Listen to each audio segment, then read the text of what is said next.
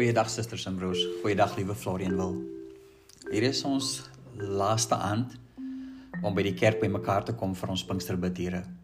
So alreeds het 9 aande verloop vir ons Pinksterbidure. En wat 'n wonderlike voorreg was dit net nie om op 'n manier wel om so bymekaar te kom. Um saam te luister, op 'n stadium saamgesels en saam met ander die woord van die Here te deel. Regtig, regtig inspirerend gewees. En ek vertrou dat u dit ook so gevind het terwyl u elkeen op u eie dalk of saam met die geliefdes na die woord van die Here geluister het. So 9 aande is verby. U sal onthou dat ons tema waak en bid het eintlik um 12 elemente van gebed. Met ander woorde, die 11de ene is luister en die 12de ene is loof. Nog tweestes uitstaande. Maar ek beloof om teen môre dit hierdie twee gedeeltes en elemente saam te voeg en met hulle te praat en dan aan te stuur soos gewoonlik. So, broers en susters, ons tema vir vanaand is dus om na te dink aan leiding van Psalm 104 Ek sê ietsie meer daaroor later. Net 'n herinnering ook. Sondag wanneer die Pinkster afsluiting is, is dit ook die Pinkster afsluiting vir ons as ringsgemeentes by Florianville. En aan die woorde die gemeentes uh VGK gemeentes in ons ring kom by mekaar Sondagoggend 9uur by ons kerk om op hierdie manier Pinkster af te sluit. Hier is altyd soos altyd welkom.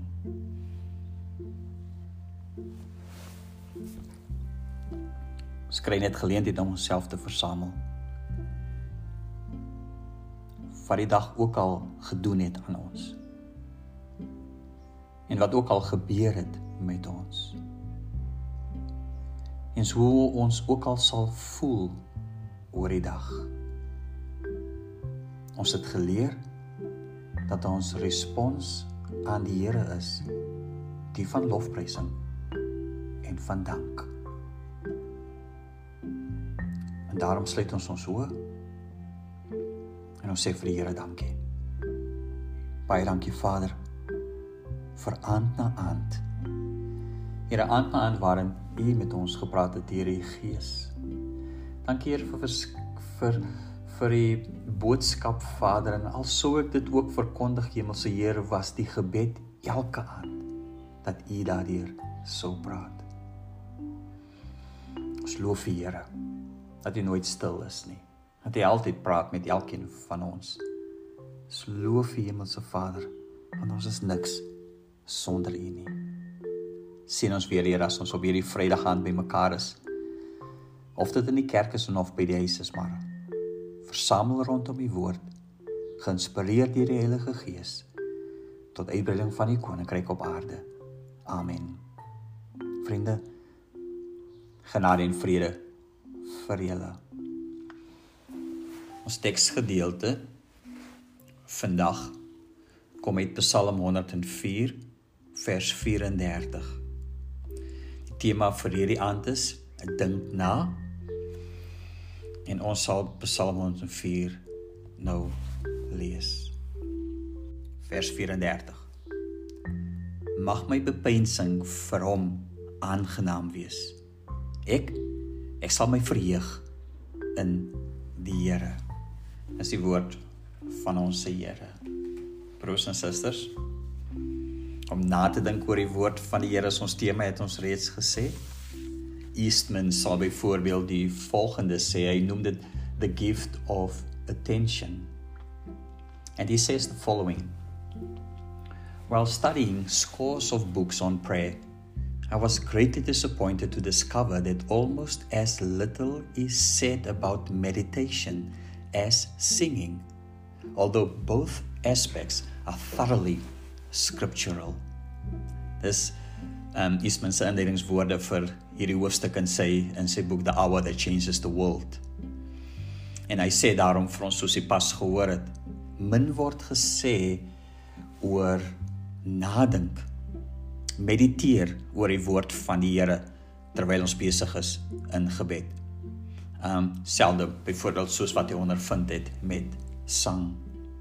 Ek moet erken as ons praat oor mediteer oor die woord, as ons praat oor dink na oor die woord, dan is dit ook waar in vorige elemente wat ons reeds behandel onder andere stilte as deel van gebed.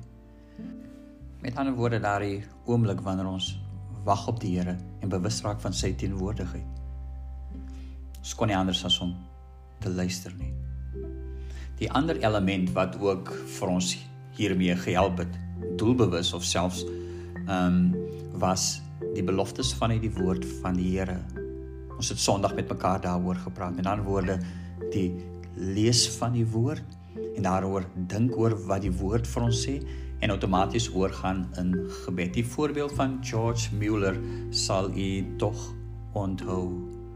So eerens tussen al die elemente wat ons behandel het, kon ons nie anders as ook om oor na te dink oor wat die Here vir ons sê nie en hoe die Here met ons praat nie. Nou, een van die boeke wat baie beteken het vir my gebedslewe, is die boek van Ferdinand Duist tussen angs en sekerheid gedagtes rondom gebed. So kort en klein klein boekie. Onder andere gister genoem. Ehm um, hy het my gehelp om te verstaan dat God veeldimensioneel is, né? Nee? Dat op 'n manier ons nie vir God kan inperk nie. Dat God 'n ruim hart het. En selfs wat ons godsdiens betref en selfs wat ons gebedslewe betref, is God groter as ons vaste patrone van praat met hom of luister uh ook na hom. Maar Ferdinand Dai sê die probleem in gebed is 'n te groot sekerheid of 'n te groot angs. Nou my fokus vir vanaand is om by Duist aan te sluit, Ferdinand Duist aan te sluit om te sê dat daar soms is in ons lewe is daar te groot sekerheid oor die Here en daarom word daar nie nagedink oor wat die Here sê nie. Hy sê onder andere ons sekerheid laat die geheim van God soek raak. Ons weet dat God se gedagtes nie ons gedagtes is nie. En sê wie is nie ons weet nie.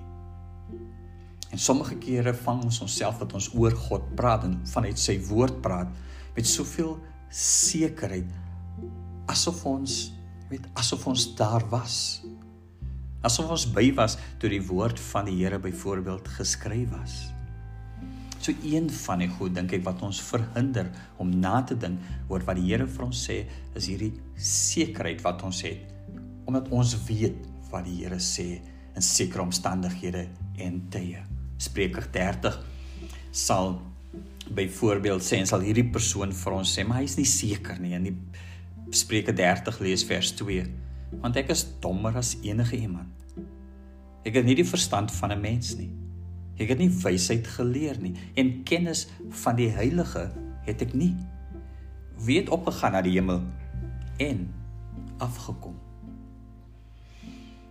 Jy sien daardie die feit dat ons net nie alles weet nie.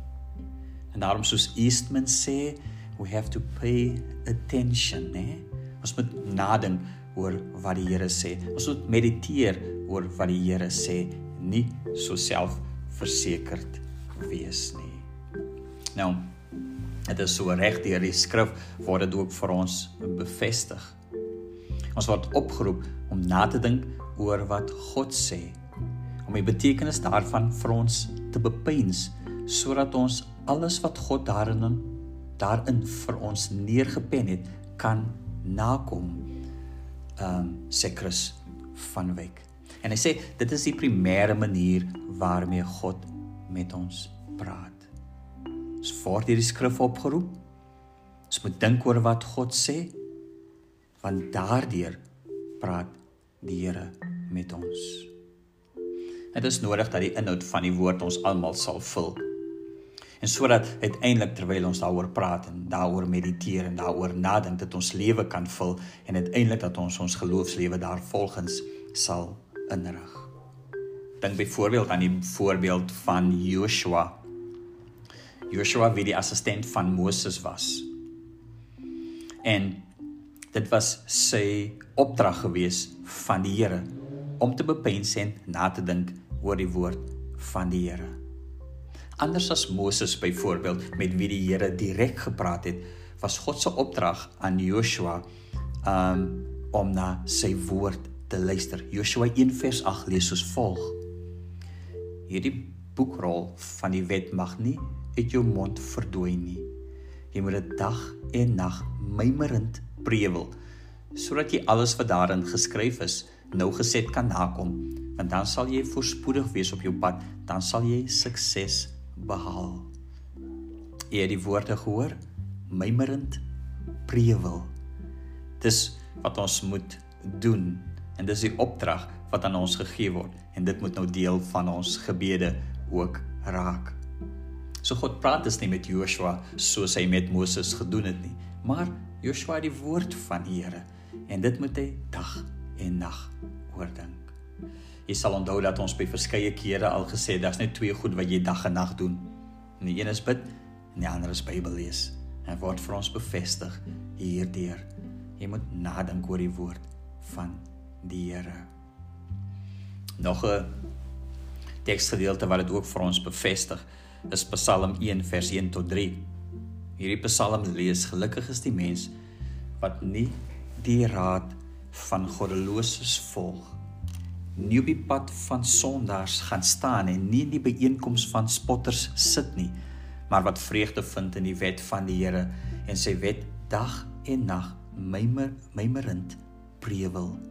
So iemand sal wees soos 'n boom geplant langs watervore wat sy vrugte op sy tyd gee en waarvan die blare nie verdor nie. Alles wat hy aanpak, gedei dag en nag weer eens. En dat ons sal vreugde vind in die woord van die Here. Alles wat jy dan doen, doen jy vanuit die woord wat jy ontvang het en oor die nadenke daarvan. Psalm 77 vers 12 en 13. Ek sal die Here se dade onthou Ja, ek wil u wonders van vroeër onthou. Ek sal oor al u werke mymerend prewel. Oor die handelinge wil ek nadink. Hierdie keer is die fokus op wonders en werke van die Here van vroeër. Dis die goed waaroor ons moet dink. Dis die goed waaroor ons moet bepeins. Psalm 119 vers 15 en 16 oor die opdragte wil ek nadink Ek wil op u paaie let. En die voorskrifte vind ek vreugde. Ek sal u woord nie vergeet nie. En dan word 'n dieper kyk sê die psalmdigter vir ons na die opdragte van die ehm um, van die Here. Dis wat ons moet doen. Die punt is duidelik broers en susters. En dis wat Psalm 19:15 en ook ons teksgedeelte van vroeër net so bevestig, laat die woorde van my mond en die bepensing van my hart vir U aanvaarbaar wees. Here, my rots en my verlosser. Na al die elemente wat ons oor gepraat het. In ander woorde, nadat ons aanbid het, gewag het en bely het, die woord gebid het, gewaak het, ingetree het, gevra het, dankie gesê het, gesing het, is hierdie 'n gedeelte van 'n nadenke. Miskien het jy dit al in van die vorige elemente so gedoen, kan wees. Maar spesifiek word ons daaroor gevra. Dink na. Dink vir 'n oomblik aan die gebed na. Bepeins wat die Here sê oor sy woord. En laat dit julle gedagtes en julle gedagtes wees en dan is die gebed Here, laat dit aanneemlik wees vir u. Amen. Almagtige Heer, wanneer ons Here terugdink nadink, weer dink oor wat U gedoen het, Here. Oor wat U gedoen het in ons eie lewe en die lewe van ander Here, maar ook in hierdie wêreld. Vra jy dat ons daaroor sal nadink. En mag dit dan wees, Here, soos die psalmdigter ook sê, Here, terwyl ons nadink, Here, en gedagtes in ons harte en ons verstand, Here, vorm En ons het eintlik Hemelse Vader net prewel voor U. Here, 'n soort van net saggies sê, bekere Here onseker sê, nie weet Here of ons reg sê nie.